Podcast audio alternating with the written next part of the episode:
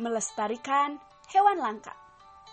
Melestarikan adalah upaya perlindungan dari kerusakan dan kepunahan, sedangkan hewan langka adalah hewan yang sudah jarang sekali ditemukan di alam bebas sehingga biasanya ditempatkan di suaka marga satwa atau cagar alam.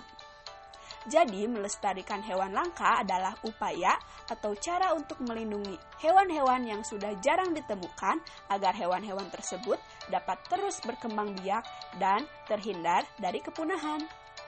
Contoh hewan-hewan langka di Indonesia adalah komodo, harimau Sumatera, kera hitam Sulawesi, rusa bawean, badak Jawa, gajah Sumatera, orang utan, burung jalak Bali, burung cendrawasih, dan anoa.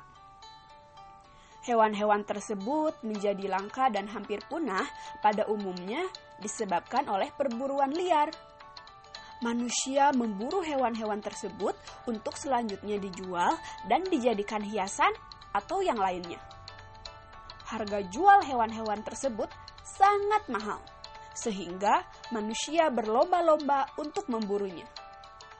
Contohnya adalah gajah yang diburu untuk diambil gadingnya dan dijadikan pajangan bernilai sangat mahal.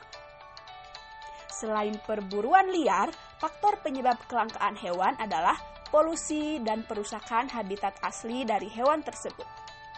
Misalnya, orang utan yang hampir punah karena habitat aslinya, yaitu hutan, terus dirusak oleh manusia untuk dijadikan lahan perumahan, perkebunan, dan lain sebagainya. Nah, ada beberapa cara yang bisa kita lakukan untuk mencegah punahnya hewan, yaitu yang pertama, tidak memburu hewan secara ilegal. Yang kedua, menjauhkan pemukiman dari habitat asli hewan.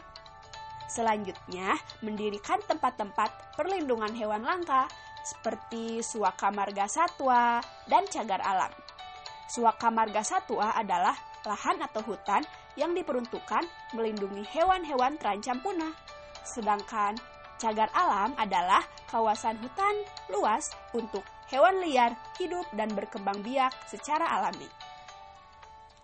Dengan melindungi hewan langka, kita dapat yang pertama, menjaga keseimbangan ekosistem agar kehidupan di muka bumi tetap berjalan dengan baik. Yang kedua, melestarikan keanekaragaman hewan yang bermanfaat bagi ilmu pengetahuan dan masyarakat. Yang terakhir, memenuhi kebutuhan masyarakat, misalnya untuk obat-obatan dan lain-lain. Maka dari itu, kita harus berusaha melindungi hewan langka ya. Wassalamualaikum warahmatullahi wabarakatuh.